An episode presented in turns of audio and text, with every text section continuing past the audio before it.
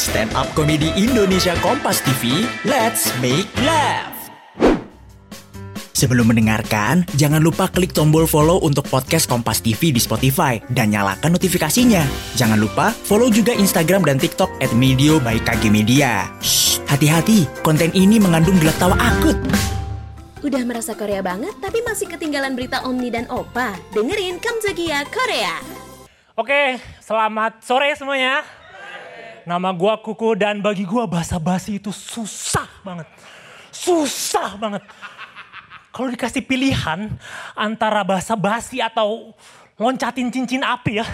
Gua milih loncatin cincin api 100 kali, sumpah.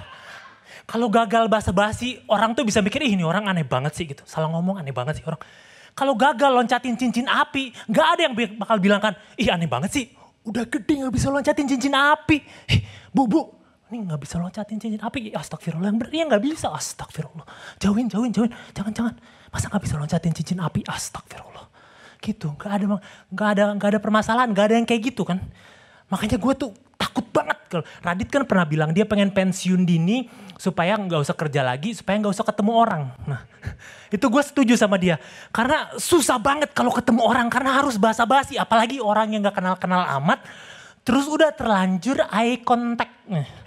Udah terlanjur eye contact. Nggak bisa tiba-tiba. Eh. Harus ngobrol ya. Kalau gitu gue nggak tahu mau ngobrol apa mau ngobrol apa kayak eh, kenal juga enggak gitu. Ngobrol apa? Ada kalau kalau kayak gitu tuh gue lebih pengen tiba-tiba ada bencana alam aja tuh nggak depan gue. Bencana alam, boom, banjir bandang biar ada omongan, biar ada obrolan. Wah banjir bandang nih.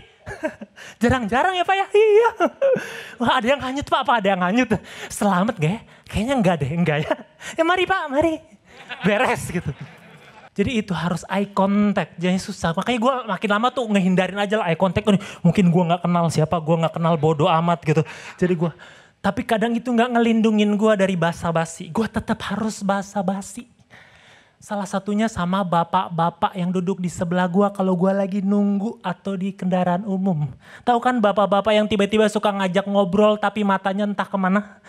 Misalnya gue lagi duduk ada bapak-bapak di sebelah gue sambil ke atas bilang, dulu saya TNI loh. gue lagi gini. Oh, gue gitu. Iya kamu deh gitu.